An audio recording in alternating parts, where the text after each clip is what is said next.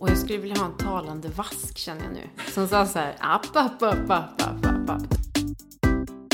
Det finns absolut tillräckligt med mat på jorden för att mätta alla människor. Trots det går 690 miljoner människor och lägger sig hungriga varje kväll. Det är var nionde människa. Ska vi spana här med att krutongen får en revival? Ja, eller hur? Du Emma, vi är på väg hem till dig för ryktet säger att du ska bjuda på lunch. Stämmer det? Ja, jag ska bjuda på en riktig matsvinnslunch. Kan du gissa vad det blir? Ja, alltså i värsta fall så är det ju typ allt konstigt dina barn har ratat den gångna veckan i en mysko häxblandning. Men i bästa fall kanske det är fantastiska råvaror som normalkonsumenten har ratat på grund av att de är lite krokiga och fula och sådär. Eh, Alltså du får väldigt gärna äta upp mina barns matrester, alltså det är inga problem. Men eh, jag hade faktiskt tänkt att jag skulle bjuda dig på någonting som inte bara är eh, räddat från närmsta matbutik utan även räddat ifrån mig.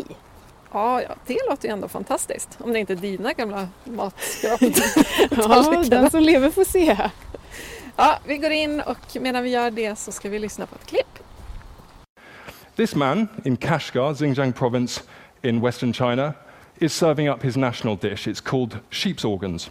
It's delicious, it's nutritious, and as I learned when I went to Kashgar, it symbolizes their taboo against food waste. I was sitting at a roadside cafe, a chef came to talk to me, I finished my bowl, and halfway through the conversation, he stopped talking and he started frowning into my bowl. I thought, my goodness, what taboo have I broken? How have I insulted my host? He pointed at three grains of rice at the bottom of my bowl and he said, clean. I thought, my God, you know, I go around the world telling people to stop wasting food. This guy has thrashed me at my own game. Ja, det där var en matsvinnsguru vid namn Tristram Stewart och han har grundat en organisation som heter Feedback och också skrivit en bok som heter Waste Uncovering the Food Scandal och den åkte rakt upp på min läslista efter att ha hört det där. Och det är alltså ett längre klipp som man kan hitta på Youtube. Vad säger du när du hörde det här? Eh, jag tänker bara på att det är sjukt stökigt i mitt hem och att jag är tacksam över poddformatet. Men också såklart att det är hög tid att snacka matsvinn. Och det är just vad vi ska göra idag. Men eftersom den här podden heter Plan B-podden och vi har sölat in på att allt ska börja på bokstaven B så har vi döpt detta avsnitt till bananbröd och bäst före-datum. Ja, och det här är ju vår podd om plan B-livet. Det göttiga, härliga livet inom planetens gränser. Och det är det där livet som väntar oss när vi släpper taget om våra ohållbara fossildoftande och matsvinnande vanor och går loss på plan B. Det är en podd om det smartare livet. Och vi som ska undersöka hur det, liv, hur det livet ser ut heter Emma Sund. Och Maria Soxbo. Välkomna till avsnitt tre av Plan B-podden.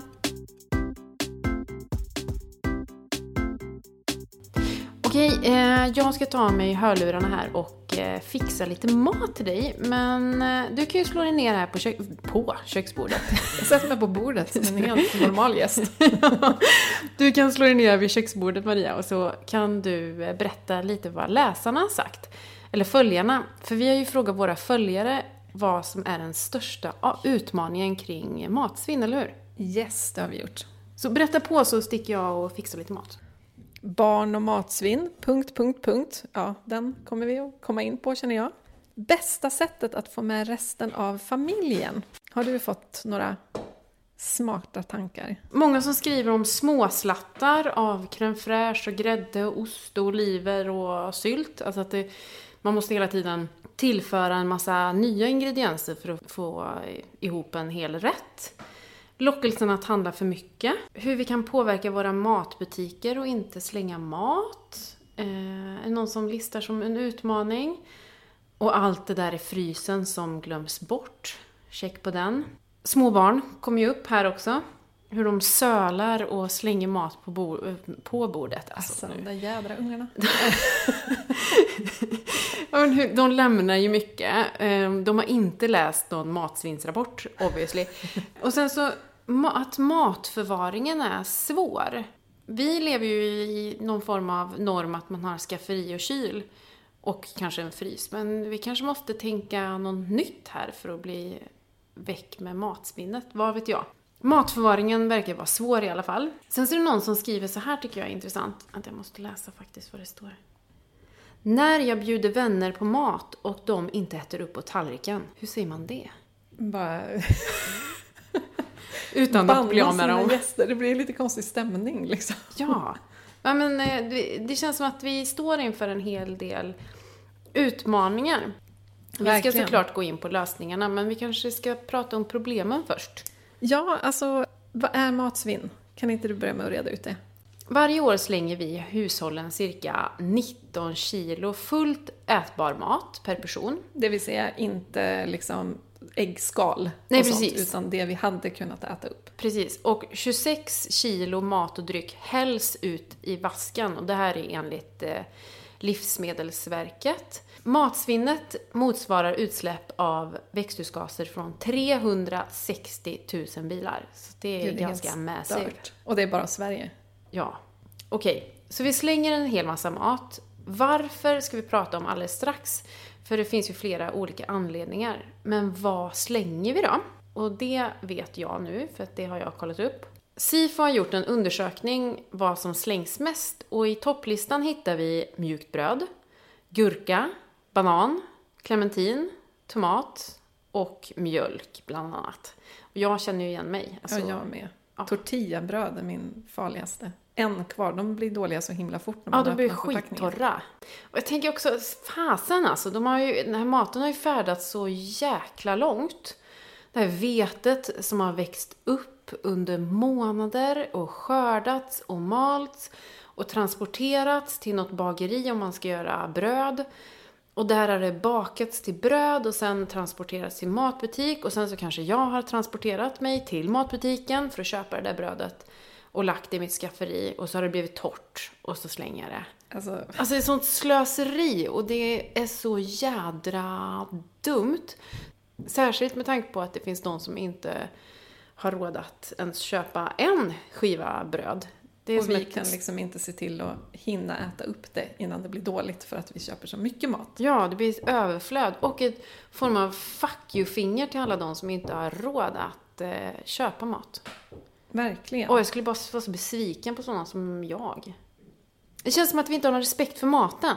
Och det känns som att vi är bortkopplade från själva matproduktionen, för vi ser den inte. Jag, jag eh, läste lite f- intressant fakta från FN som jag tänkte ta upp också. FN har något som heter World Food Program och de har räknat ut ett antal saker som blir helt sjuka när man har dem i kombination. Till exempel 1. Det finns absolut tillräckligt med mat på jorden för att mätta alla människor som finns här. Det är liksom ingen matbrist. 2. Trots det går 690 miljoner människor och lägger sig hungriga varje kväll. Det är var nionde människa. Och 3. Om vi inte slängde en tredjedel av all mat skulle vi kunna mätta 2 miljarder personer till. Alltså det är så sjukt. Det är Hur så sjukt går det, siffra. det här går ju inte ihop, men det ska ju gå ihop. Ja. Varför gör du inte det Varför då, gör Maria? inte det? Förlåt.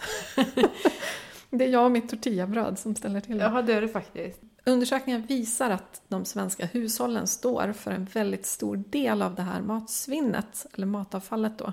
Men vi, om, man, om vi benar ut själva matsvinnet, var sker det största matsvinnet? Är det i hushåll, eller restauranger, i produktion eller livsmedelsbutiker? Var är... Vem är boven? Ja, enligt Naturvårdsverket då, så eh, om man lägger ihop butik och konsumtionsled, då slängdes cirka 1,2 miljoner ton mat. Och det här är 2018. Och hushållen svarar för den absolut största delen av det här, 917 000 ton. Det är alltså 95 kilo per person och år som vi slänger. Och då är det ju både i och för sig då skal och ben och sånt, men också ätbar mat. Eh, Så att det slängs ju sjukt mycket från hushållen. Det var ju också en av frågorna jag hade fått från mina läsare. Var är den största delen? Ja, det är hos oss. Mm. Det är vi som köper en massa mat och sen slänger vi den. Så vi kan inte peka på någon annan? Nej, men man kan ju också se det som att vi har ganska stora möjligheter att förändra det här. För det ligger på oss. Det är inte så att vi måste rösta fram matsvinnspartiet för att få ordning på det här utan vi kan ju faktiskt göra väldigt mycket bara genom att ändra våra egna vanor och sånt gillar jag. Mm. Apropå det här med skal så kommer jag, jag kommer komma tillbaka till det senare. Varför vi inte ska slänga så mycket skal. Nej, precis. Spännande va? Det var en så kallad teaser. ja. Men eh, ska vi gå in på varför vi slänger mat då? För det finns ju en massa olika anledningar. Varför slänger du mat? Slänger du mat, Maria? Ja, men jag slänger nog mat för att jag är, ja det gör jag. Förlåt, det gör jag. Eh, det slängs en del mat. Nu börjar mina barn bli så pass stora att det är lite lättare att laga lagom mängd till dem. Eh, de äter oftast upp på tallriken och sådär, vilket de inte gjorde när de var mindre. Eh, men jag tror att en ganska stor del av det svinn som vi fortfarande har beror till exempel på att vi köper en tetra grädde till en rätt fast vi använder bara hälften av den och så har vi inte planerat att det ska vara en till rätt som den andra halvan ska gå i dagen efter utan plötsligt så har vi en halv gräddtetra som vi inte har någon användning för. Eh, så att vi behöver ju helt enkelt tänka till så att inte vi har en massa slattar som sen bara blir stående. Du då? Vad slänger du? Ja, men det är också de här slattarna, de här burkarna med eh, oklara innehåll. Någon eh, rest från någon eh, tacogrej kanske. Och brödslattar är ju. Någon sån här halväten macka som något barn har snorat på. Alltså, alltså jag kan äta eh, brödslattar, men någonstans går gränsen. Jag önskar så att jag hade höns som kunde äta det där äh, sista. Det som du tycker inte det är kompatibelt med lägenhetslivet i Nej, tydligen inte. Jag vet inte riktigt vart jag ska ha dem. Ehm, du får drilla katten. Det här med hund. Jag är ju en kattmänniska, men det här med hund är ju faktiskt jävligt smart i så fall. Verkligen. Eh, någon som eh, går runt och svabbar golven med sin tugga. Fast det hade ju också varit ett, en enkel väg ut, tänker jag. Alltså vi ska ju lära oss att äta upp maten. Vi ska ja. ju inte liksom, ta in lite husdjur som kan lösa det åt oss. Men det där märker jag också med höns. Alltså jag drömmer ju om höns. Oh, förlåt mamma. Nu kommer jag outa min mamma också. Men just Förlåt. Gud vad hemskt. Nej men just att man säger när man äter att, ja men äh, det där kan hönsen få. Istället för att det är den absolut sista liksom anhalten. Ehm, till frågan om jag matsvinnar, så absolut. Vad matsvinnar jag då? Förutom de här burkarna i kylen som först står kanske i två år. Och sen så luktar jag på två dem. Två år? Hur stor kyl har du? Eh, inte så stor, men jag vill ju inte slänga något så att ganska proppat. Du arkiverar det? Jag arkiverar. Det. Ja, men länge. Eh, grönsaker är faktiskt ganska bra på att äta upp, eller vi. Just det här med att man slänger ihop någon sån här rotfruktsplåt eh, i ugnen och kör. Det gör ingenting om grönsakerna är skrumpna, för de blir skrumpna sen eh, i ugnen. Men Kaffe? Ja, kalla, jag dricker ju inte kaffe men te. Kalla ja. slattar som jag har glömt bort för att jag har värmt en kopp och så ställde jag ifrån mig den för något barn ville något. Och ja. sen glömmer jag bort att jag ens har gjort den. Hittar en liten härlig mugg i ett ja. hörn sen. Sen har ju jag som en egen hund faktiskt, och det är ju min man, som dricker upp mina slattar. Eh, värmer dem i mikron och dricker upp dem. För att han tycker att det är fruktansvärt att jag lämnar så mycket. Så, och det, jag ska ju inte skylla från mig då eller säga att jag har den där hunden. Um, utan faktiskt lära mig någonting. Din familj går, du går ganska hårt åt dem i det Ja, gud förlåt alltså. De är underbara. Men du, varför slänger vi mat? Vi, vi måste ju gå in på det här med att vi är så jäkla skönhetsfixerade. Mm. Eller vad mm. säger du? Vi är enormt skönhetsfixerade, in, så in i vasken att det liksom tagit oss ända in i eh, både kylskåp och i matvaruhandel. Så vi väljer bort den där eh, morötten som är krokig, eller den hamnar inte ens i, i mathyllan för att den kvalar inte in. Vilket eh, är helt sjukt med tanke på att vi ska tugga sönder den. Det spelar ingen ja. roll hur den ser ut liksom. Och den där äpplet med en prick på, eller potatisen med lite skorv. Vi, vi har liksom bara de perfekta exemplaren i eh, matvaruhandeln. Det där märker jag på mina barn. De har liksom redan fått med sig hur perfekt en grönsak i butiken ska se ut, eller ett äpple. Så att när de sen får plocka ett äpple på vårt äppelträd som har diverse svarta prickar och skavanker så säger de att det är dåligt. För de har inte sett ett äpple som ser ut så typ. Det är så sjukt. Och så måste man förklara att men det där är inte ens, så där ser äpplen ut. Det är inget konstigt och det som eventuellt är konstigt kan man pilla bort. Det är liksom inga problem. Och det, är så, det, är, det här med skönhetsfixeringen, det är så fucked up. För att det är ju inte så att maten smakar annorlunda eller är giftig eller dålig på något sätt. Utan det är för att den inte kvalar in i våran skönhetsmall. Jag tänker på hur jag själv är uppvuxen. Jag menar att man skar bort det som var dåligt. Ehm, någon prick eller någonting man... Eller på ett, på ett äpple som till exempel var rent av dåligt på ena sidan men fullt ätbart på den andra. Och att det var liksom... Det var, det var väl därför man fick äppelbåtar antar jag? Ja, Eller? eller fruktsallad, jag vet inte. fruktsallad ja. Ja. ja. Alla de bästa, det som är ätbart blir fruktsallad och så slänger man resten. Precis. Man har liksom genomskådat det där i vuxen ålder. Bara, Jaha, var det därför man fick fruktsallad? Det var inte så att det var fest, utan det var att hälften av frukterna Det var restfest helt enkelt. Det var det det var. Den skönheten är ju ett jättestort problem och kanske det som är mest stört. Men sen så har vi ju det här med normer. Vi har ju tallrikar stora som paraboler. Överfyllda tallrikar. Det är ju en sån, ett sånt där praktexempel på nudging. Att restauranger som har bufféer, om de ställer fram, till hotell till exempel, om de ställer fram mindre tallrikar, då minskar matsvinnet. Folk kommer fortfarande att liksom göra tallriken totalt överfull för att känna att de får mesta möjliga valuta för pengarna. Men eftersom tallriken är mindre så orkar de äta upp det. Det är ju ett genialt. otroligt enkelt sätt för ett hotell eller en restaurang att minska matsvinnet och ändå ha väldigt nöjda kunder. Mm, och spara enorma mängder pengar ja, också. det borde ju vara det mest effektiva argumentet för ett företag ändå, att man sparar pengar på det.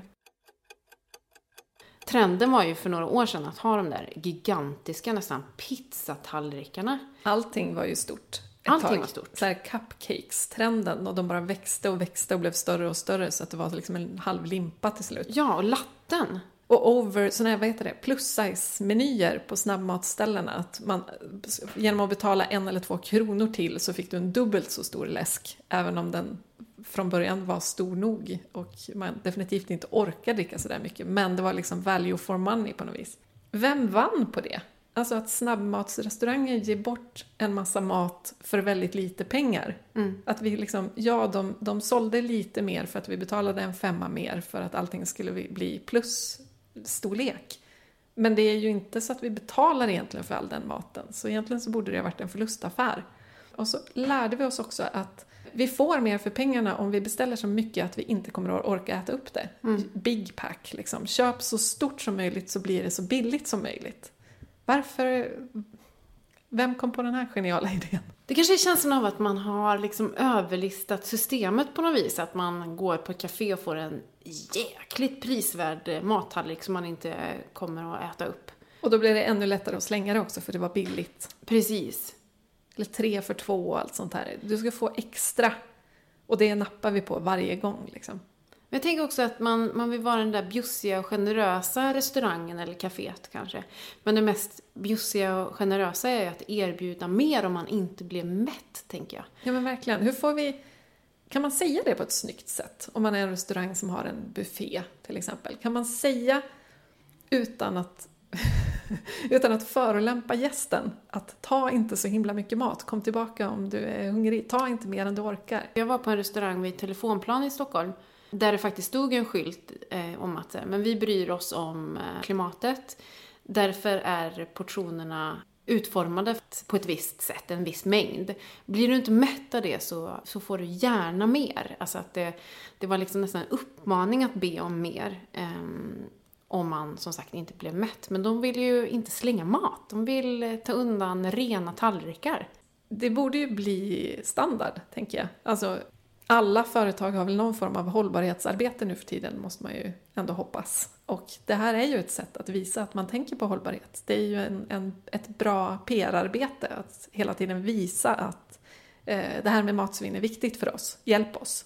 Men också att det känns kanske ännu mer bjussigt än att, än att få det där, den här gigantiska tallriken då som man på något sätt ska förklara sen i efterhand. Eller hur? Som i klippet eh, som vi lyssnade på, att man man måste förklara varför man har lämnat mat. Var den inte god? Var den inte bra? Kändes den fel? Liksom? Det måste ju vara, det är kanske det vi ska fokusera på, vad, vad vår, vår, vårt försvarstal är. Jag tycker ju ändå att det skulle kunna vara ganska härligt om man blev tillsagd att äta upp de tre sista riskornen på tallriken.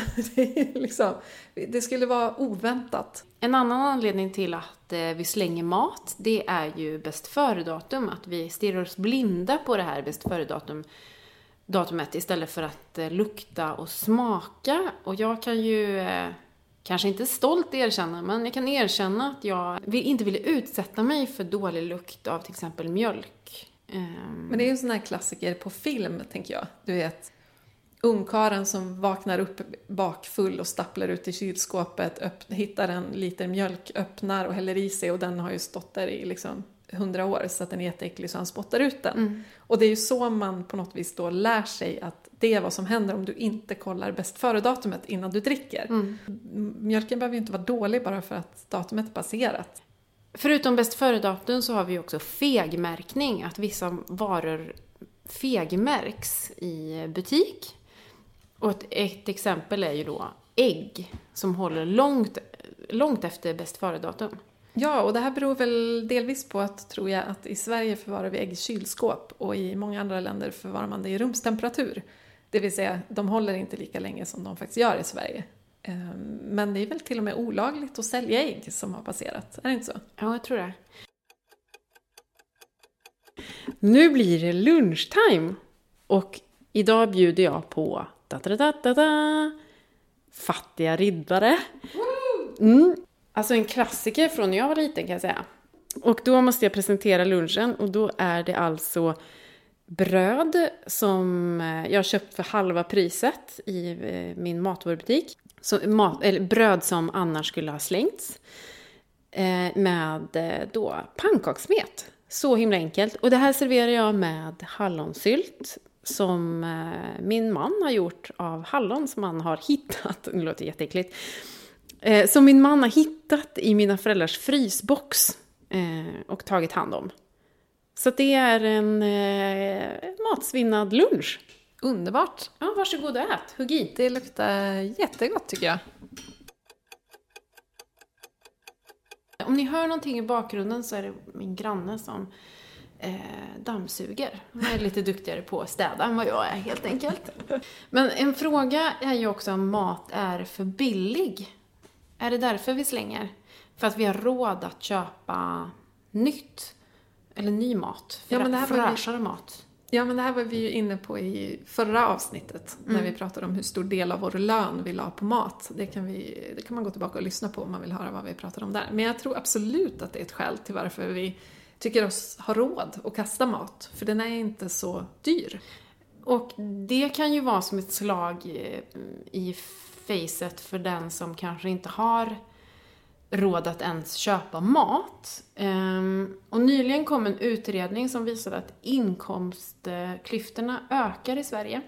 Klyftorna växer snabbare här än i andra länder. Och det här behöver vi prata mer om. För det är ju, precis som vi pratade om i, i eh, avsnittet om besprutat, att det skulle vara så otroligt mycket enklare att lösa den pucken om alla hade samma förutsättningar. Precis. Men är, vi bor alltså i ett land där klyftorna ökar och eh, de som har mycket pengar har, får ännu mer pengar och det händer inte så jättemycket på fronten för låg och medel, medelinkomsttagare. Ehm, Det gör, det gör frågan svårare att knäcka. För man vill vi- inte att eh, lösningen ska bli orättvis. Nej, precis. Och det här tänker jag att vi kommer säkert komma in på i ett kommande avsnitt som vi ska göra om pengar. Det här med rättviseaspekten behöver vi prata mer om i alla avsnitt som vi gör. Och jag återkommer ständigt till just när det gäller matsvinn hur otroligt ofräscht det känns att svinna mat när det går folk hungriga. Ja, ska vi prata lite barn och matsvinn kanske eftersom det var så många som hade tagit upp det? Ja, Vad, hur, dina barn är fyra och fem, Ja. mina är sju, så vi har ju varit igenom de här åren av kladd kanske. Ja. Men det är fortfarande lite matsvinnsår för oss. Hur har du hanterat det? inte lägga på så mycket mat på tallrikarna. Nej men vi brukar också äh, äta upp maten när de har slutat äta. Alltså att man själv äter lite långsammare, tar lite mindre och inväntar vad som blir kvar. Att man tar, precis, man ger de vuxna lite mindre mat så Precis. att de orkar äta upp barnportionerna också. Ja, men också gö- göra rester till norm. Alltså jag kommer ihåg själv när jag växte upp att man säger ja idag blir det rester och man bara åh, gud så deppigt. Ja, Man vill ju ha fest varje dag. Men då måste jag hylla min kompis Fatima som införde det här med restfest. Att hon skrev på sin eh, meny, ja, hon är en person som skriver en meny varje vecka, sjukt imponerad. Och då står det så här, men måndag så är det någon rätt och sen så tisdag någon rätt och så på torsdag så är det restfest. Och det, det blir liksom så mycket roligare att eh, faktiskt presentera det som tapas eller att man gör någon svingod pizza eller någonting som faktiskt barnen tycker om. Eh, att det känns lite lyxigt. Barn brukar ju också gilla, i alla fall mina, alltså just typ av rätter som tacos, det vill säga när man får plocka själv det man vill ha.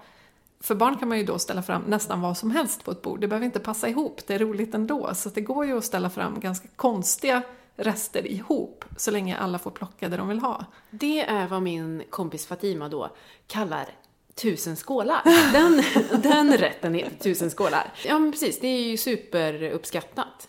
Så att, eh, ja vad vi gör... Alla konstiga liksom, middagskoncept går ju hem hos mina barn. Vi äter ju brinner med jämna mellanrum. är- Alltså breakfast for dinner. När vi ingen orkar laga mat och vi inte har några tydliga rester att äta upp heller, då ställer vi fram frukosten en gång till. Men alltså hur mysigt får man göra så? Man får göra så om man är vuxen. 37 år Barnen bara. blir väldigt glada kan jag säga. Alltså gud vad roligt. Det är kul också att man är så 37 år och frågar om man får göra så. Man bara okej. Men hur gör ni då? Ja men vi, vi gör nog eh, lite som, som eh, ni gör. Alltså att när barnen var lite mindre då åt vi lite mindre så att vi skulle orka äta deras. Ehm, vi lagar ofta, eftersom vi, ja, vi, vi är lite uppdelade på team kött och team vego i min familj, två i varje lag. Vilket gör att vi gärna vill äta olika saker. Så vi lagar varannan dag och så lagar vi mer av det. Så får den andra halvan äta rester. Vi äter samma rätt två dagar på raken, men de går omlott, så att säga. Så ena dagen äter team kött nylagad mat och team vego äter rester från gårdagen. Och sen nästa dag är det tvärtom. Vilket gör att vi i princip alltid äter rester och det är inget konstigt. Men det positiva med det är att alla får äta det de vill, helst. Istället för att behöva anpassa sig till det andra lagets mat, så att säga. Men det är ju också det här med att presentera det på ett nytt sätt. Alltså så här, istället då för att liksom presentera rester med den här molokna looken att idag blir det rester. Det är, så, det är klart att ingen blir glad för det. Nej. Men att eh, göra det i samma tonläge som när man säger att nu blir det pizza! Alltså det gör ju ändå mycket. Ja, Intalar jag mig i alla fall. Sen gillar ju barn också ganska mycket av eh, det man gör på rester. Alltså det vill säga smoothie. Så här, mosa ner alla frukter som börjar se för deppiga ut och ge dem en smoothie. Det kan man ju också hälla i. Mjölkslatten som börjar bli dålig eller liksom alla de här juiceslatten och så vidare. Eh, då äter ju barn med glädje. Samma sak, bruna bananer blir bananbröd. Eh, fattiga riddare som vi äter till lunch här idag, det är ju liksom fest när det blir fattiga riddare. Och då gör det ju ingenting att brödet är torrt, det blir ju ännu godare då.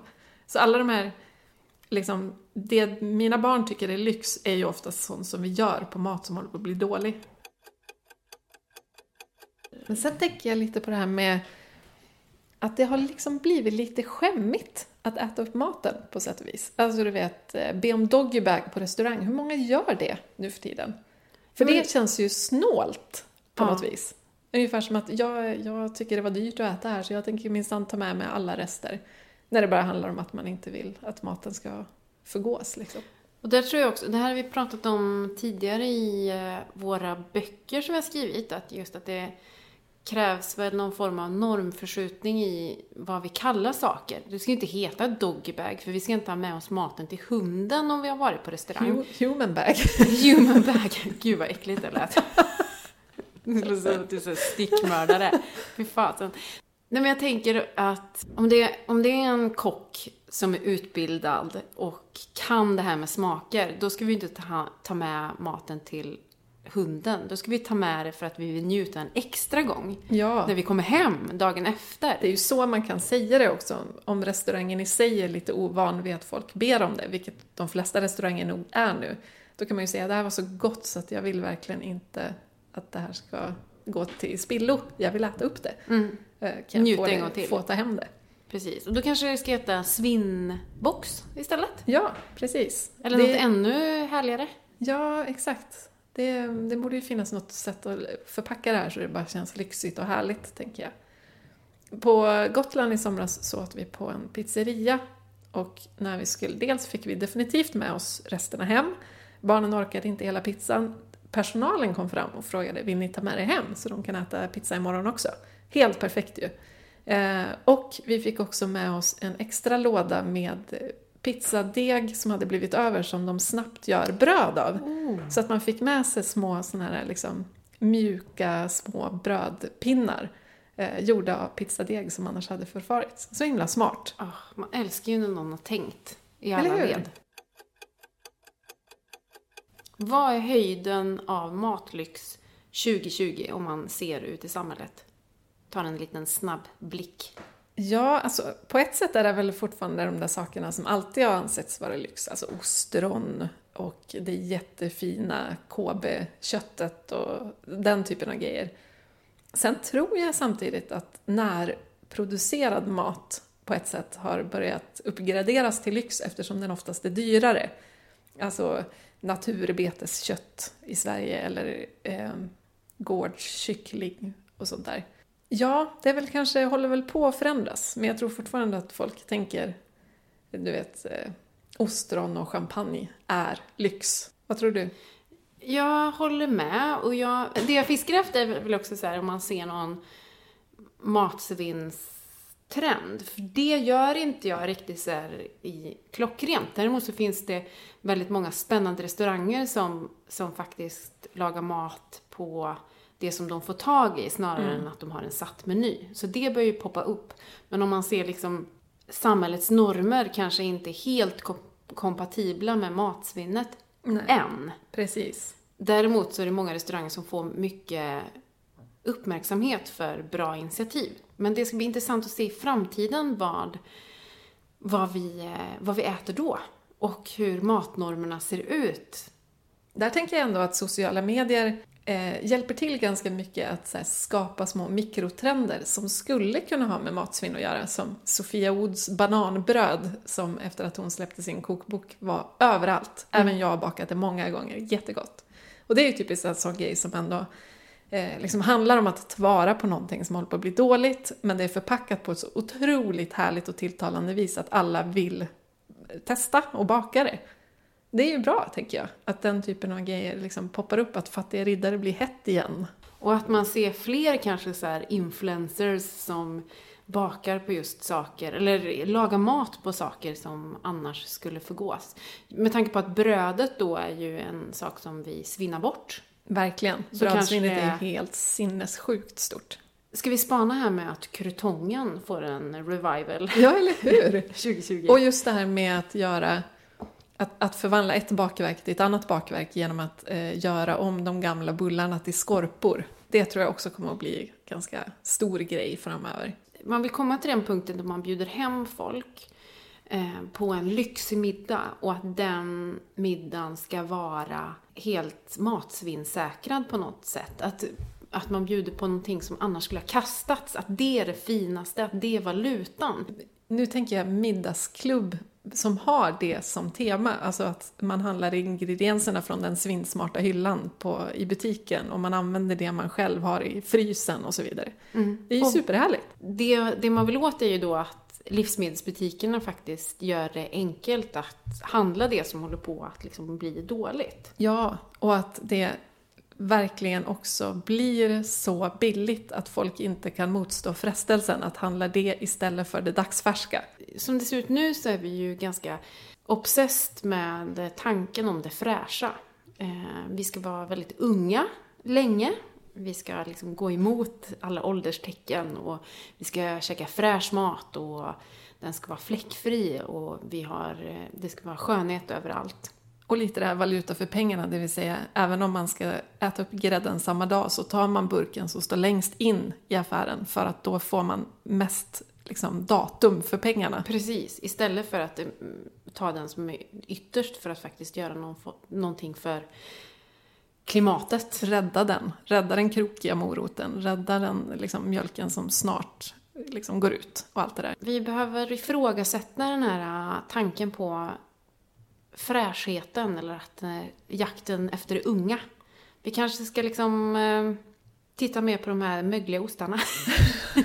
det som faktiskt är någonting som vi eftersträvar att det ska vara riktigt gammalt. Eller vinet som ska vara riktigt gammalt. Ja, det här är ju intressant. Att det verkligen finns ju redan en kultur kring det lagrade. Ja. Kring det, det liksom, ja men surströmming. Alltså det finns ju redan en, en ganska stor matkultur som bygger på att någonting har liksom jäst eller förvandlats på något vis. Och sen som, någonting som vi faktiskt ser som lyx. Om vi då ska gå tillbaka till den här frågan om vad som är lyxigt i vår matkultur. Att det finns ju de saker som är lyxiga som då de franska ostarna och det lagrade vinet. Vad mer?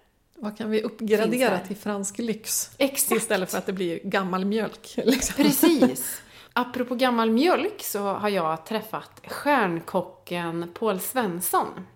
Och nu kanske du tänker, vad har han med gammal mjölk att göra? Men... Han är den där killen i filmen som bara... Nej, han har faktiskt ett jättebra tips gällande gammal mjölk.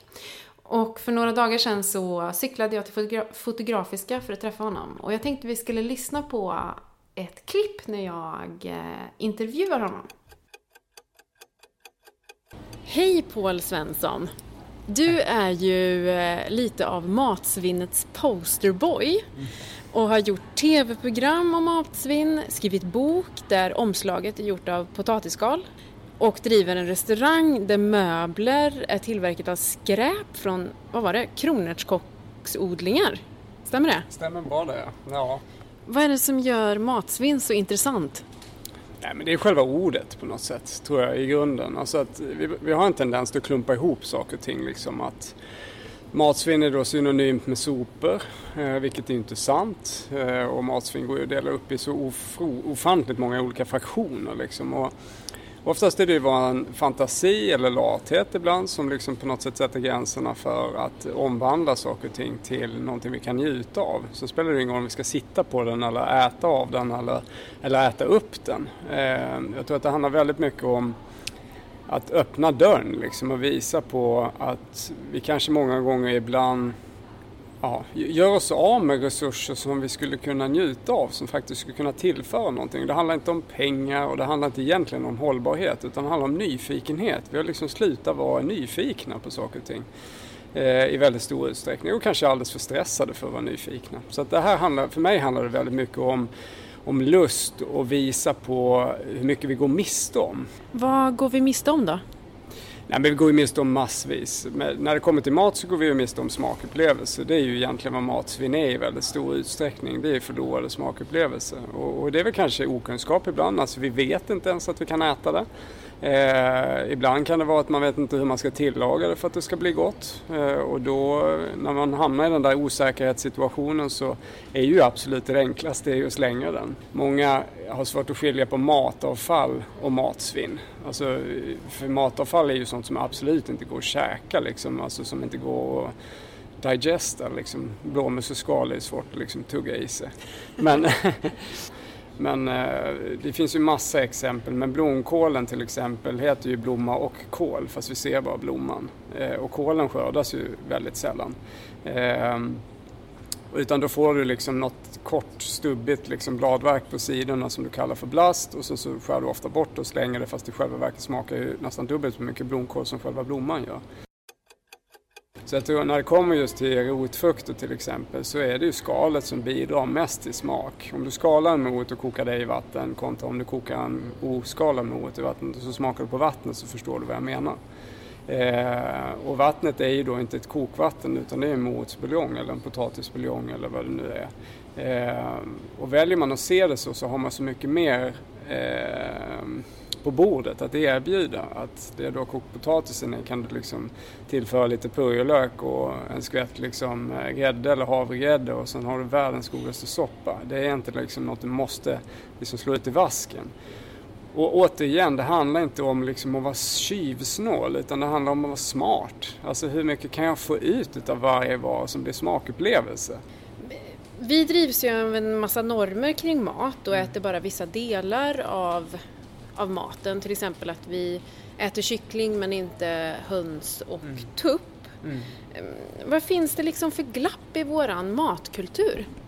Ja, alltså det är många svar på den frågan. Ett är såklart eh, handel och industri såklart att de, det, det, handlar ju både om effektivitet och liksom säljbarhet såklart. Alltså att kycklingen blev ju den nya hönan Eh, och, och kyckling är ju liksom om man uttrycker sig slarvigt, liksom den nya falukorven. Vi använder det till allt och det funkar till allt. Och det är liksom som den här schweiziska liksom armékniven på något sätt.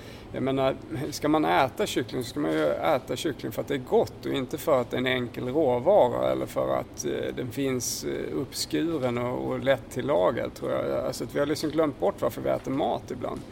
Och jag tror att där är nog det stora glappet tror jag. Att hade vi förstått att höna smakar mer än kyckling så, så förstår man också att man kan förändra proportionen på sin hönscurry. Då kan man ha liksom 70% grönsaker och 30% höna just för man har en makalöst god hönscurry. Eh, det, det bygger inte egentligen, precis som allting annat som vi har fått lära oss, eh, på att man måste liksom bulka upp med väldigt mycket animaliskt utan det handlar ju om smaken. Alltså att man måste vara mer smakintresserad så förstår man att, att gastronomin kan både bli hållbarare och godare samtidigt liksom i det här eh, förändrade proportionsvalet. Du eh, sa en gång, mm. eh, vill jag minnas, att eh, det faktiskt kan vara bättre att eh, använda till exempel gammal mjölk när man gör sås istället för färsk. Eh, finns det några fler exempel på mat som blir bättre med tiden?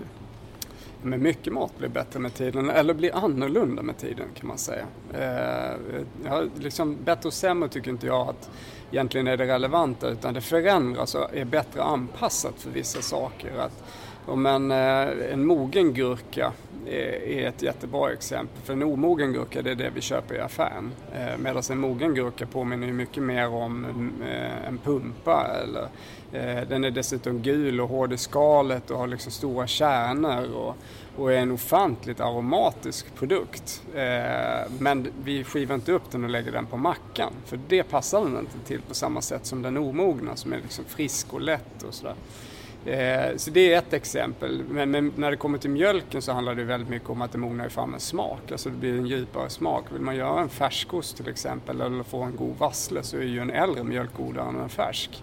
Medan att dricka mjölk så är det gott med färsk mjölk. Men, men allt måste ju inte vara samma. Och, och det intressanta med det, det är att, att all yoghurt är ju egentligen gammal mjölk på något sätt. Alltså att det är en förädlingsmetod för att bevara mjölk. Och, och vi har liksom glömt bort att liksom gamla saker kan också vara de goda sakerna. Att vi tittar inte på en surkål som en gammal vitkål utan vi ser ju det som en förädlad vitkål med nya egenskaper och dessutom hälsosammare och, och, och nya användningsområden och passar till andra saker. Så jag tror att vi måste sluta göra skillnad på så här fint och fult och gammalt och nytt utan mer nyfiket titta på vad är det för användningsområden för eh, de respektive olika produkterna.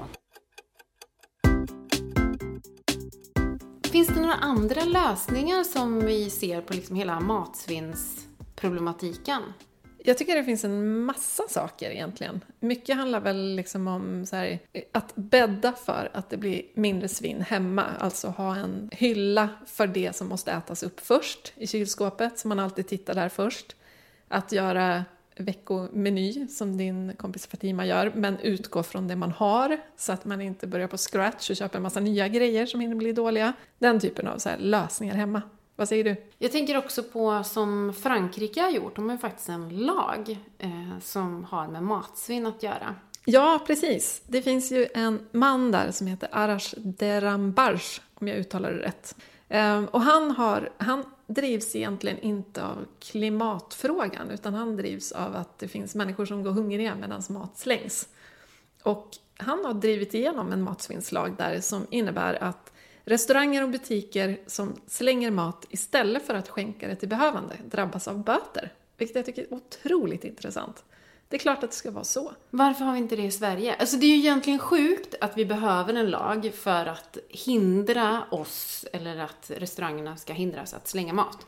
Men om det är liksom den enda vägen som finns för att råda bot på problemet så är väl det bra då? Ja, men jag tänker också det. Och han, det intressanta är ju att han drev ju igenom det här eh, utan hänsyn till EU. Det vill säga, han tänker att lite det här att hellre be om ursäkt än att be om lov. Eh, så att han lyckades få igenom det i Frankrike och tänker att EU får väl följa Frankrike istället för att Frankrike ska följa EU. Jag gillar alltså, det. så typical. Jag tror vi tog upp det här faktiskt i det första avsnittet, att vi nämnde att Frankrike ligger långt fram i många så klimatsmarta lagar. Ja, och de bara kör. De bara kör. Jag läste i Svinnlandet, den boken, om att man hade gjort ett experiment med matavfallstunnor med lås på i Sydkorea. Eh, där kunderna debiterades efter hur mycket tunnan vägde. Det vill säga, ju mer mat man slängde, desto dyrare blev det. Och man kunde inte heller liksom fuska eftersom tunnan var låst. Man kunde inte slänga ut lite. Det är ju, matsvinnet minskade direkt med 20% bara för att folk är snåla. Man vill inte betala för, för att liksom bli av med sopor. Det tycker jag att det går att applicera på flera av problemen här i världen. Att man faktiskt betalar för sina sopor precis som man gör på landsbygden. Ja. Det gör vi ju inte så mycket i stan utan här slänger man allting i ett soprum och sen så är det någon annans problem. Ehm, men att faktiskt se kostnaden för det man slänger, det tror jag är en, en vettig väg att gå. Och tror också att det är bra om man bor i en hyresrättsförening eller en bostadsrättsförening att faktiskt lyfta den frågan. Starta en eh, miljögrupp som eh, tar reda på hur mycket soporna och eh, avfallshanteringen kostar eh, och visa på vad man kan spara in för varje person som bor i bostadsrättsföreningen eller hyresrättsföreningen om vi kanske plattar till förpackningar eller slänger mindre mat. Det är väl ett jättebra argument generellt, hur mycket pengar som man sparar. För det är väl, hushållen sparar 6 000 kronor per år om ja, vi äter 3, upp maten. 3 till 6 000 kan man spara i hushållen bara genom att äta upp. Så det är ju, det är ganska... pengar man kan göra roligare saker för. Ja, det är ju ett ganska smarrigt sätt att eh, lösa problemet, tänker jag. Så Åh nej, jag måste äta upp den här goda maten. Jag måste Stackars äta upp den här mig. goda pengen som oh, jag annars men, blir av med. Men inse också att vi slänger bort pengar. Jag tror också att vi har ganska dålig koll på hur mycket vi faktiskt slänger eftersom vi inte får den här liksom Lyxfällan-högen som de ibland visar där. Att så här mycket, har du, så här mycket läsk och godis har du liksom köpt för pengarna under året som har gått. Vi ser ju inte den här matsvinnshögen med vad det nu var, 97 kilo mat. Den, den liksom blir ju aldrig konkret för oss utan vi slänger lite åt gången så det känns inte så mycket. Jag läste om någon studie i Nederländerna där folk fick föra matdagbok över svinnet. Så här, nu slängde jag en halv liter mjölk för den hade blivit dålig. Direkt minskade svinnet där också med 20% bara för att man insåg hur mycket det var. Men alltså vart är det här uh, Lyxfällan uh, klimatversionen? Programmet? Ja, ja, precis. Så här, du väger 9 ton. Vilket, nej, det blir en sån Biggest Loser och sen så i, i en mashup med Lyxfällan. eh, genomsnittssvensken eh, konsumerar ju för typ 9 ton eh, koldioxidekvivalenter per person och år och vi ska ner till 1 ton. Eh, jag tycker det ska vara jätteintressant att se vart mina 9 ton är och hur stor del som är matsvinn. Tänk dig berget som man liksom så dukar upp. Ja, fy, och tänk äh. vad det luktar gott när man har samlat ihop ett års matsvinn.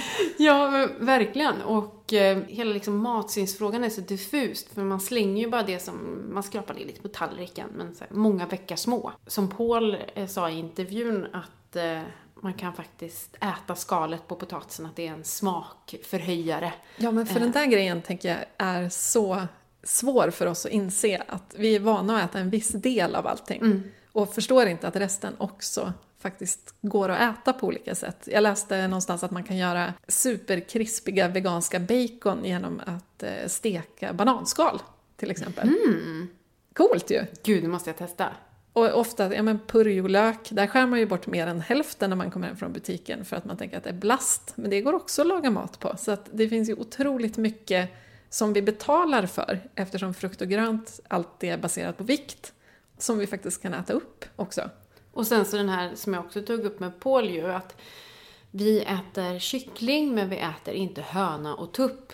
Eh, Sjukt. Och det är också så här, vänta nu, vart kommer kycklingen ifrån nu igen? Och att vi eh, måste bli bättre på att äta allt. Där kan man ju faktiskt gå in med ett mindset när man går in på matbutiken att finns det någonting eh, som behöver räddas så ska jag bli den personen som räddar det. Det vill säga kartongen som har blivit bucklig för att någon rev ner den från hyllan. Det är ju exakt samma mat i. Det är ju liksom inte maten som är dålig, det är kartongen som är kantstött. Ta den! För de allra, allra flesta tar den inte och då måste den slängas sen. Bli den som tar den knöliga moroten, att bli den som tar mjölken med kortast datum. Var den personen. Det finns ju också nu en massa smarta företag som gör det lättare för oss att rädda mat. Jag tänker på alla de här apparna som börjar poppa upp där man kan rädda dels eh, rätter från restauranger som har blivit över från dagens lunch eller bakverk på bagerier och sådär. Eh, och det, gör ju, det är ju liksom win-win. Restaurangerna och butikerna blir av med det som de annars hade behövt slänga. Och vi får fynda, vi gillar ju ändå att refynda. Det är ju det det är och det är ju oftast dagsfärskt också om det är bagerier. Um, och vi har ju faktiskt en sponsor i det här avsnittet som är ett av de här företagen som är så himla smart och hjälper oss att rädda mat, nämligen Matsmart. Och jag drog iväg och träffade Sofia Sirén på Matsmart häromdagen, så jag tänkte vi skulle lyssna på det.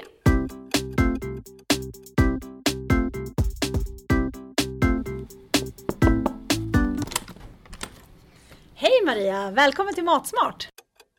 Men du Sofia, kan inte du berätta för mig, hur stor del av all mat som produceras är det egentligen som slängs? Ja, man kan ju inte tro det, men det är ju en tredjedel av all mat som produceras som faktiskt slängs. Vad beror det på?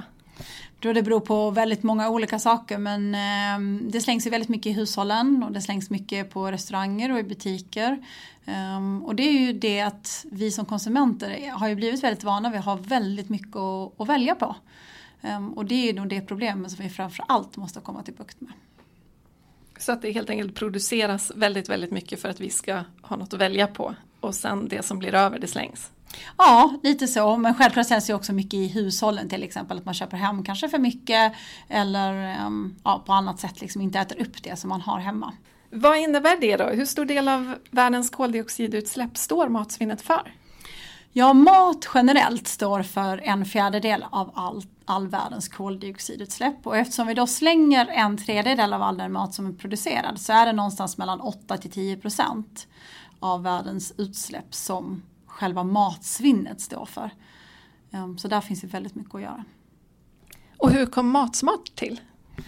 Ja, men Matsmart föddes i, i lite olika insikter. Det ena var att eh, i den eh, butik som en av våra grundare har såg han hur mycket mat som slängdes varenda dag och tänkte att det här är så dåligt för planeten. Det här måste gå att göra någonting åt. Det andra handlar väldigt mycket om att väldigt mycket av den mat som slängdes i butiken um, var perfekt. Alltså det var perfekt mat. Men eftersom bäst före-datumet började närma sig så ville, ville inte en vanlig konsument eh, köpa en sån vara i en butik. Och det tredje handlar mycket om att göra en bra deal. Alltså vi alla vill kunna köpa också mat och andra varor också till ett bra pris. Ehm, och vår affärsidé handlar ju mycket om den här hållbara affärsidén men som också är liksom billig eller till ett bra pris. Och det tycker vi är ju såklart en, en perfekt kombination, det är inte så vanligt annars. Bra grej när hållbarhet inte blir en klassfråga tänker jag. Precis, vi pratar också mycket om social hållbarhet, hur viktigt det är och hur vi ger en möjlighet för många att handla bra mat fast till ett billigare pris. Ehm, men hur funkar Matsmart då? Hur, liksom, vad är det för typ av mat som hamnar hos er och hur tas den om hand och hur gör man när man köper den? Ja, men vi säljer ju bara torrvaror, så inget färskt och inget fryst. Eh, vi köper från alla Sveriges stora producenter i princip och så är det i de alla länderna det finns också, där samarbetar vi med stora producenter. Ehm, vi köper in från dem som en grossist. Eh, och vi köper alla typer av varor från våra leverantörer. Det kan vara produkter som absolut eh, börjar närma sig sitt bäst före-datum. Men det kan också vara produkter som har en felaktig text eller som har en felaktig ingrediens. Där innehållsförteckningen kanske inte riktigt matchar eh, den produkten som är inuti och så vidare. Det kan vara många olika skäl till varför en produkt hamnar hos oss. Um, men vi köper det som en grossist och sen så um, packar vi om det såklart och, som en vanlig butik och skickar den lådan hela vägen hem till dig. Men du Sofia, det här med bäst före-datum, vad innebär det egentligen? Ja men det är stor skillnad på bäst före-datum och sista förbrukningsdag. Eh, sista förbrukningsdag handlar ju om produkter som eh, eh inte bör ätas efter eh, datumet har passerat. Till exempel färskmat eh, som kött och fisk och så. Men bäst före-datum, den märkningen är endast en rekommendation eh, från producenten att den här varan är jättebra innan det här datumet har gått ut. Men efter det här datumet är den fortfarande oftast precis lika bra. Så det är endast en rekommendation. Krispighet, konsistens, det kan vara sådana saker. Men de allra flesta produkterna de är perfekta att äta även efter det här datumet. Så typ pasta till exempel behöver man inte tänka på bäst före-datum direkt? Jag tror att man kan äta pasta i flera år efter um, det har gått ut. Okej, varför är det så bra att handla sin mat just hos er då? Jo men eh, det är ju så att i de här FNs globala mål eh, och framförallt mål 12.3 så innebär ju det målet att vi ska eh, minska vårt matsvinn med 50 procent över kommande år. Och då måste ju saker och ting hända. Vi måste göra någonting åt det, ehm, det, det matsvinn som sker varenda dag. Och att handla från oss är ju ett jättebra sätt att göra det. Men vi vill ju belysa att det, som, det bästa för miljön det är att eh, använda de resurserna som redan är producerade. Det vill säga hos oss har vi varor som redan är producerade. Och då är det väldigt bra att de resurserna kommer till användning. Ja, men eh, både du och jag har ju testat Matsmart, eller hur Emma? Ja. Vad har du testat? Jag älskar Matsmart för att eh, man kan bunkra upp och det vet ju alla vid det här laget att det gillar ju jag. Eh, bunkra upp i skafferiet med allt från olivolja till krossade tomater till nötter och såna här grejer som alltid är bra att ha hemma. Men det är samma här, jag köper väldigt mycket av det här som vi alltid äter och så får man liksom det till en bråkdel av priset. Det är så sjukt bra. Sen gillar jag också tanken på att laga mat utifrån vad man får tag i. Istället för att sätta upp en meny. Alltså man blir lite mer kreativ. Att så här, ah, jag fick tag i den här stora batchen med, med eh, olika ingredienser. Vad kan jag göra av det? Ja men verkligen. Och det är ju det som är lite roligt med Matsmart också, att det kan ju vara saker som verkligen inte är säsong. Typ juleskum i mars. Hur glad blir man av juleskum i mars? Hur glad som helst. Ja, men vi har ju faktiskt fått då en kod som vi ska dela med oss av till våra lyssnare. Så att om man använder koden plan B så får man 50 kronor i rabatt vid köp för minst 350 kronor. Och då ska vi förtydliga hur otroligt mycket man kan få för 350 kronor Ja. hos Matsmart.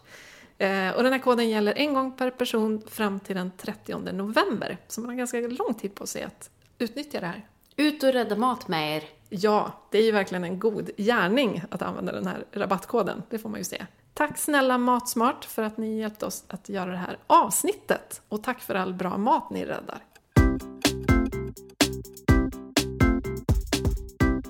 Pratat en hel del om lösningar. Men också skulle jag vilja drömma lite fritt nu om hur det här plan B-livet ser ut. Vad, vad ser du fram i din spåkula? Vad gör vi i framtiden? Vad tror du? Vad är normen? Ja, men jag, jag tror att till exempel, ja, post-corona då, men jag tror att det kommer kunna vara otroligt härligt att gå på restaurang. Därför jag tror att det kommer inte vara så mycket fasta menyer, utan det kommer att vara att liksom Igår kunde du få den här fantastiska rätten, den kan du inte få imorgon, för imorgon är det andra råvaror som det handlar om. Eh, så att varje liksom, restaurangupplevelse kanske blir lite mer unik och väldigt intressant, tror jag. Jag tror också att vi kommer att prata om restaurangen på ett annat sätt. Idag så pratar vi om att det är en lyx. Men det är också väldigt klimatsmart att gå på restaurang för att hetta upp en ugn för att göra en middag, det kräver ganska mycket energi. Men att laga mat till många människor, det är klimatsmart, det är väldigt energieffektivt. Ehm, Och också det sociala. Alltså, man hungrar ju ganska mycket efter det efter den här pandemin. Skoja min doja. Efter, vi är mitt uppe i den. Eh, säger jag och snörv... snörv shit. Fan också. En reflex när man pratar om corona, Ja, man får lust att är- hosta. Jag ska säga att jag och Maria sitter på behörigt avstånd från varandra. Där tänker jag på det här som underbara Klara gör, matlag med grannarna. Alltså det är en sån dröm. Jag är så jäkla avundsjuk Ja, jag på med. underbara Helt Klara. sjukt. Det, jag, ja, för det, det kan man ju söka på hennes blogg om man vill läsa om hur det funkar, för hon har beskrivit det väldigt väl. Men de är ju ett, tre familjer, tror jag, som varje tisdag äter middag hos någon av familjerna. Så, Så de slipper mysigt. laga mat, kommer att sätta sig vid dukat bord, får det sociala. Och sen är det ju, det blir ju förmodligen mindre svinn för att man lagar ett storkok till många människor istället för att försöka anpassa till exakt fyra portioner. Mm. Jag, jag passar på att göra en shoutout till alla mina vänner. det är någon som vill ha ett litet matlag. Sån smart grej och, eh, Och en så ugn mysigt. som värms istället för tre. En sak som många följare tog upp, just det här med att det är små slattar av olika saker. Och i mitt eget kylskåp är det samma sak, de här små burkarna. Och kanske är det så att vi kommer ha eh, kylskåp som faktiskt säger till oss vad eh, vi har och vad man kan göra av maten. IKEA gjorde en jätteintressant spaning om det här för ett par år sedan tror jag. De föreställde sig framtidens kök.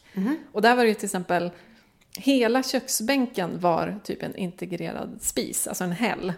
Men Det du låter kunde ju också, livsfarligt. Ja, det, det låter livsfarligt, men den var också väldigt smart på så vis att hade du en stor bifftomat i kylen som du inte visste vad du skulle göra med, då la du den på bänken och då poppade det upp förslag omkring vad du kan laga den till.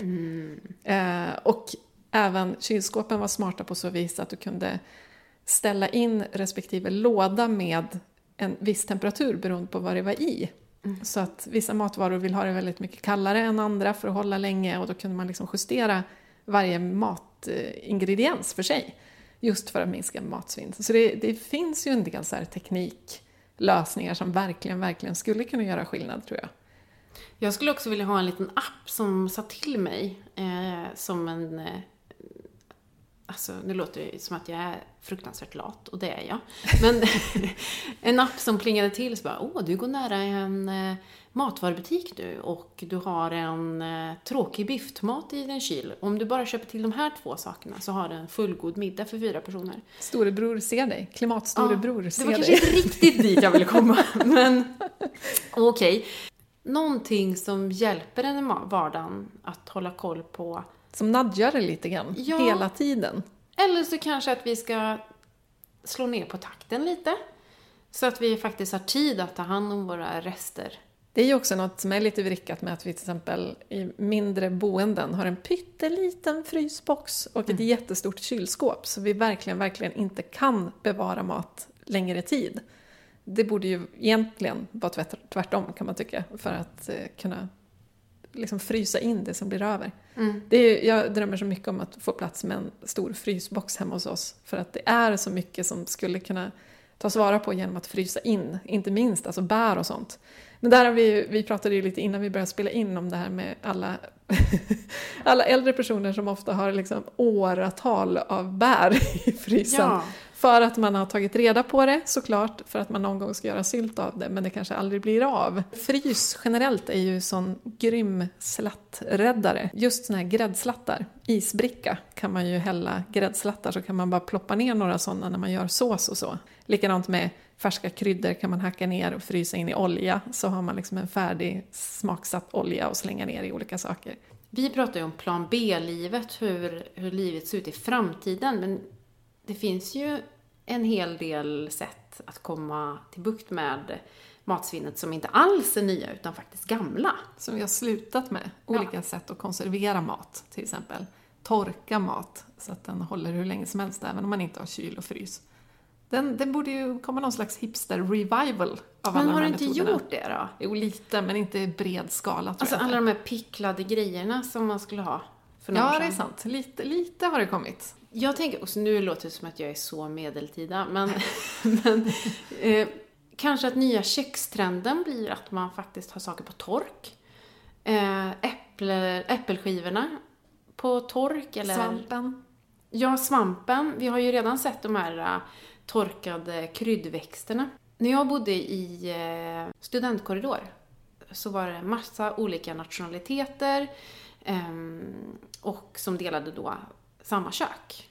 Och det var så inspirerande tycker jag att se liksom så här, när man får möta andra kulturer där man faktiskt hänger upp saker i köket. Det gemensamma köket. Det hängde liksom korvar och eh, kryddor och, och först blev jag så chockad. Bara, men gud, varför hänger korvar i, i köket? Det är ju för, det är ju blir ju jätte chock för eh, oss i det här eh, vitt och fräscht eh, normen. Våra integrerade kylar och frysar som inte ens... Maten syns inte ens. Nej, maten syns inte. Och sen så kommer en spanjor och flyttar in och, och använder kökets yta för det som man faktiskt borde använda kökets yta för.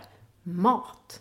Så det ser jag liksom framför mig också, att man använder köket på ett kanske nytt sätt. Ja, men det, det känns ju som att det kommer att hända ganska mycket, tror jag. Eh, och det kommer att bli en revival för vissa grejer från förr, för att de faktiskt är väldigt klimatsmarta. I alla fall hoppas jag det. Ja, och sen så hoppas jag, nej, eller jag kräver att matbutikerna har eh, särskilda avdelningar. Eh, precis som att de har frysavdelningar så ska de ha en säsongsavdelning där allting som är i säsong just nu i det landet man bor i som är närproducerade ska ha en egen avdelning. Det ska vara enkelt att handla säsongsmat och precis på samma sätt ska det bli enkelt att handla det som eh, håller på att gå ut. Verkligen. Pangprisavdelning. Nu är det dags för listan, tycker jag. Eller vad säger du? Jag älskar listan. Ja. Och eftersom vi... Jag tyckte det blev en bra lista förra gången när vi gav så mycket matnyttiga se och lästips. Så jag tänker att vi gör något liknande det här avsnittet. Så jag vill börja med att tipsa om ett gäng kokböcker. Det finns ju otroligt många bra just matsvinnsrelaterade böcker just nu. Zero Waste i köket av Karin Bolin. Rädda maten av Paul Svensson och Kristoffer Ekman. No Waste Just Taste av Karin Sundgren och Ta tillvara av Amanda Hellberg och Evelin Jonsson till exempel. Och de här, vi samlar de här tipsen på Instagram så man behöver inte memorera allt jag sa nu. Det blev en lång, lång harang. Men det, poängen är att det finns verkligen kokböcker som är specialiserade på att ta vara på rester och det tycker jag är så himla bra. Då vill jag lägga till Vegansk matlåda som är en fantastisk kokbok som också höjer eh, matlådans status. Ja. För den behöver vi ju helt klart höja. Den Det- matlåda på jobbet, det behöver ju inte vara en sorglig grej. Det kan ju verkligen vara en, en rätt som man har lagat för att det passar för matlådor och gör sig väldigt bra som det. Precis, så spana in vegansk matlåda. Finns på Instagram också. Punkt två. Maträddarna med eh, stjärnkocken Paul Svensson och eh, Ann Lundberg. Alltså Paul är ju återkommande där. Eh, Men Maträddarna är så ett fantastiskt bra program som tyvärr inte finns kvar på SVT Play. Och varför gör inte det? Det måste ju upp igen. Ja, Det är SVT. mer aktuellt än någonsin, tänker man. Ja, så nu säger vi till SVT på skarpen och väldigt snällt samtidigt att lägga, lägga upp Maträddarna igen för att alla måste se det här fantastiska programmet. Okej, punkt tre. Då vill jag tipsa om boken Svinnlandet av frilansjournalisten Andreas Jakobsson. Eh, som liksom har specialiserat sig lite på att skriva om matsvinn. Han har också en blogg som heter Dumpstringslyx. Och det är väldigt intressant tycker jag att läsa om svinn i Sverige och hur det är uppbyggt och att det faktiskt ofta handlar om mat som inte på något vis är dålig. Eh, så att det är ett tips att kolla upp, tycker jag. Jag kan ta en punkt till. Ja, punkt fyra. Det finns en Facebookgrupp som heter Minska matsvinnet och konsumtionen som handlar om både mat och liksom övrig konsumtion. Det jag tycker är så himla bra är att många lägger upp där att jag har det här som jag måste ta vara på. Vad kan jag göra av det? Och så kommer folk med tips. Så där kan man, hittar man en konstig ingrediens i sitt kylskåp som man måste göra av med. Lägger man upp en bild så får man jättebra tips på vad man kan laga. Gud vad smart. Punkt 5. Dumsterdivan på Instagram. Följ det kontot. Eh, Dumsterdivan dumstrar i eh, matbutikernas containrar och visar upp vad som slängs. Och det är så mycket ät, full, fullt ätbar mat. Det är väldigt skrämmande att se hennes flöde för man inser hur mycket bra mat som faktiskt slängs. Och som ett litet bonustips så tänkte jag att jag skulle tipsa om att det i flera städer finns restauranger som lagar mat på sånt som annars hade slängts.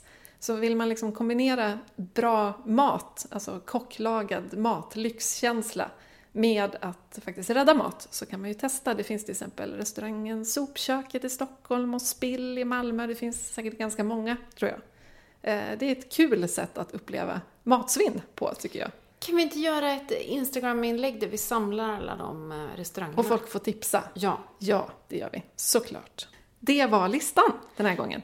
Nu är det dags för utmaningen! Ja! Alltså jag älskar det här. Eh, först tänkte jag faktiskt att du skulle få berätta hur det har gått med förra avsnittets utmaning. Att du skulle handla allting eko. Ja. Jag hade väldigt svårt att hitta ekologisk glass. Mhm, Tydligen väldigt svårt att fästa till. Hittade en, ett varumärke som hade ekologisk glass. Det borde ju inte vara svårt med tanke på att det är mejerier. Och Ja, mejerier finns ju det. ekologiskt. Och sen, ja, ni hör ju att jag var på fredagshumör för jag hade, ville även ha kolasås. Det gick inte att få tag i ekologiskt. Sen satte jag liksom lite käppar i hjulet för mig själv för att eh, jag försöker äta i säsong, alltså att inte äta importerade grönsaker. Suck, djup Ja. suck. För vet du att jag har, nu har jag ätit rotfrukter i, i månader. Och jag, jag har ju liksom laddat upp för den här perioden nu när det är skördesäsong. Och eh, tänkt att nu ska jag äta tomater, gurka, sallad, såna här grejer som är svårt att få tag i under vinterhalvåret. Det är ju nu min prime time är. Under våren, sommaren och början av hösten så är liksom de här färskvarorna, det är ju det är då jag äter det. Men det går inte att få tag i ekologiskt från Sverige. Nej, det. Det går inte. det Tomater. helt- Ja. Deppigt, tycker jag det är.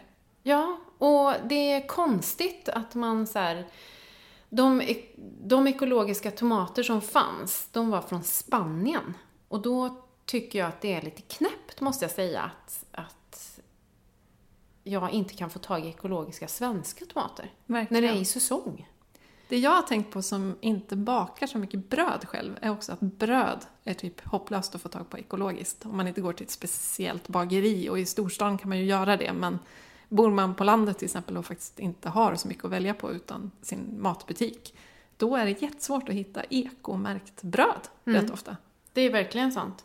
Och det, jag vet inte om det beror på att det är så många olika ingredienser i bröd och varje ingrediens måste ju då vara eko från början. Det kanske är där det faller. Men... Okej, är du beredd för nya utmaningen då? Ja. På tema matsvinn. Då ska vi faktiskt lyssna på ett litet ljudklipp. Hej Emma! Nu hoppas jag att du är riktigt nyfiken på vad det ska bli för utmaning i det här poddavsnittet.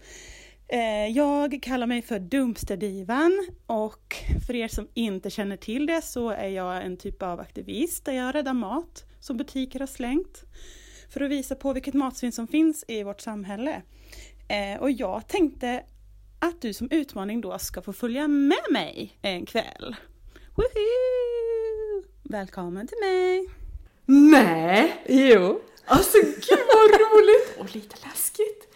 In, alltså inte läskigt att träffa dammsterdivan men gud vad spännande! Det här är en utmaning då som du ska få testa på och det ska ju bli otroligt intressant att höra hur du upplever det tycker jag. Jag har ju inte heller dumstrat någonsin. Det är ju bara, vad ska jag läskigt. på mig? Vad är en typisk dumpster-outfit?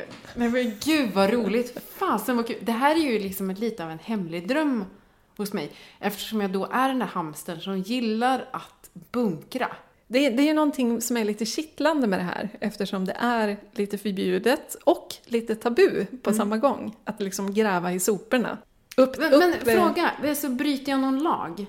Det får du nästan fråga dumsterdivan om tänker jag. Okej. Det här är Plan B-podden. Kriminalversionen. Undercover. ja, precis. Fortsättning följer liksom. Fortsättning följer. Jag ska, ner, jag ska rota bland soporna. Mm? Sjukt bra utmaning. Jag är så taggad. Ett problem är ju också att vi är ganska dåliga på att gräva där vi står. Det ruttnar bort 265 000 ton äpplen i villaträdgårdar varje år. Alltså 95 procent av skörden ruttnar bort. Det är helt vansinnigt. Alltså det är så sjukt. Och då är inte det det sjukaste av allt, utan det sjukaste är, Emma? Det sjukaste är att det landar 120 000 ton äpplen i butik varje år. varav, håll i er, 75% är importerade från typ Nya Zeeland. Samtidigt som det då finns äpplen som ruttnar bort i svenska villaträdgårdar. Ja, det säger väl någonting om våra normer också. Vad vi anser vara liksom vanligt beteende. Att vi köper äpplen, det är ingenting vi plockar eller byter med varandra. Där tycker jag du är väldigt inspirerande, för du har ju faktiskt gjort en shout-out i ditt grannskap om att du är på jakt efter, vad var det, Vi, eh, röda vinbär? va? Röda vinbär, plommon och päron. Jag startade en tråd i vår lokala Facebookgrupp där jag efterlyste röda vinbär, päron och plommon som jag var sugen på att göra, baka på och göra sylt på och sådär. Eh, och så sa jag samtidigt att jag har för mycket äpplen, kom och hämta. Och sen så bjöd jag in alla i den här gruppen att själva efterlysa och erbjuda vad de hade så att det blev lite byteshandel. Och det blev värsta succén.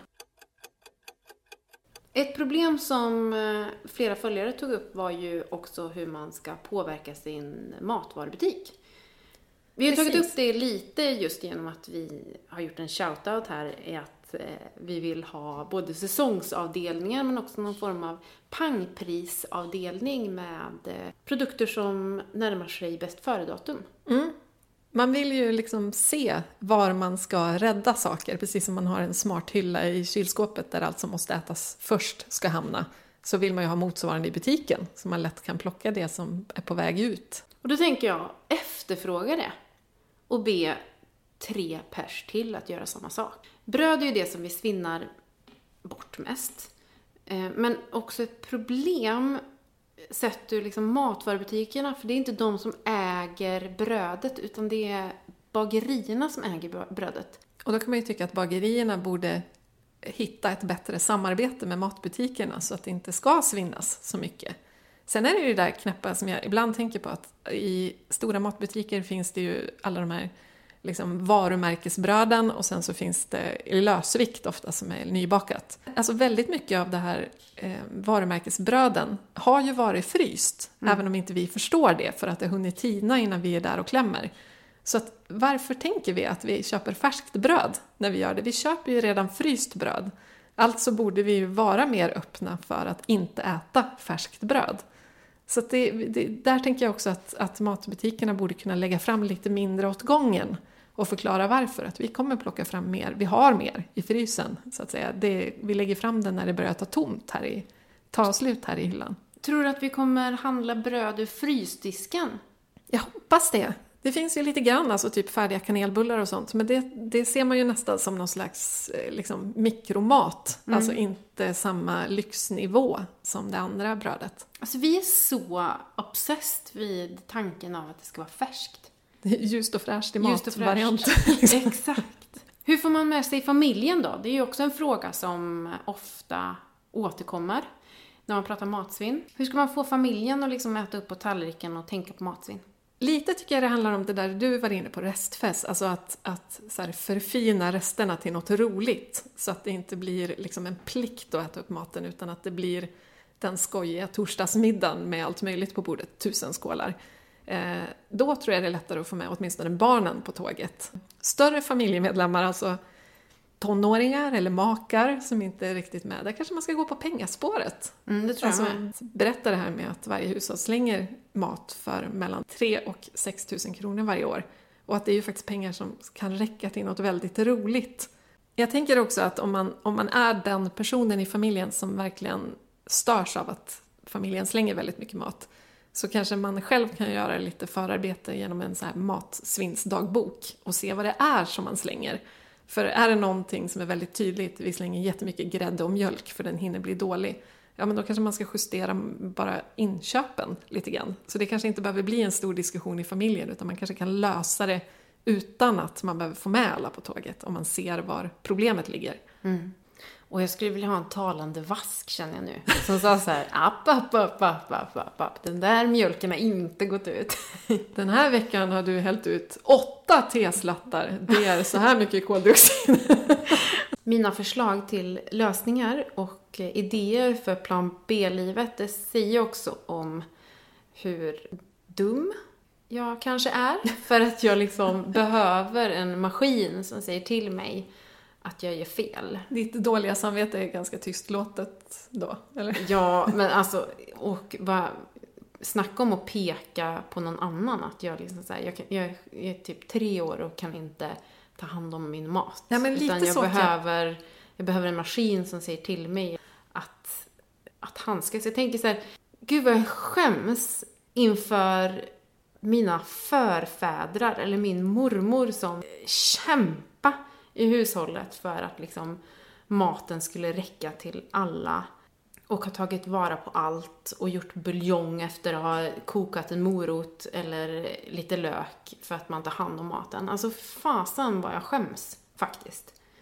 Ja, men och jag känner igen mig i det där att man, väldigt mycket av skulden ligger ju på en själv fast man har lite svårt att erkänna det. Jag kan ju bli jättesur på vissa typer av förpackningar som är svåra att tillsluta. Så att saker blir dåliga eh, för att jag inte äter upp dem i tid. När det är ju jag som borde äta upp det i tid istället så skulle det ju inte bli dåligt. Eller flytta det till en låda som går att stänga så håller det längre. Men då är det väldigt lätt att bara så här, ja vilken idiotisk förpackning, nu har det blivit dåligt igen för att den är felkonstruerad. Det ligger ju på mig. Det är väldigt lätt att skylla från sig hela tiden. Ja, det är väldigt praktiskt för då slipper man ju ta tag i det. Men eh, okej, jag ska ut och dammstra mat. Ja, det ska du! Ja, jag är väldigt taggad på det här. Och vad, vad blir din utmaning då om du ser på liksom matsvinnsproblematiken? Vad ska du jobba på? Alltså jag har ju slängt mitt sista tortillabröd nu. Jag vill, bara, jag vill bara offentliggöra det. Att jag ska aldrig mer slänga ett tortillabröd. Det ska ätas upp. Även det sista i förpackningen som inte rymdes i formen med burritos eller vad det nu är. Men sen så ska jag verkligen också steppa upp när det gäller matplanering så att vi faktiskt ser till att samma ingrediens används i flera rätter varje vecka så att det inte blir en massa slattar som sen blir dåliga. Det kan inte vara så svårt att lösa det. Jag kanske bjuder dig förresten på en eh, middag En dumstrad middag, det vill jag jättegärna ha. Gud vilken normfucker! Ja, alltså det ska jag göra. Det var ju fattiga riddare den här gången och eh, det blev eh, dumstrad mat nästa gång. Underbart. Då är det dags att avrunda. Men innan vi gör det så vill jag uppmana alla att följa oss på Instagram, där vårt konto heter Plan B-podden. Prenumerera på våra poddavsnitt där poddar finns och gärna betygsätta oss på iTunes så att fler hittar till Plan B-podden. Yes. Och vill man oss något, då kan man ju skicka DM på Instagram eller mejla oss på planbpodden gmail.com. Ja, tyck gärna till och kom med inspel och egna idéer så tar vi upp det i nästa avsnitt. Yes, det gör vi. Matsvinna mindre hörni. Tack för idag. Ha det bra! Hej då! Hej!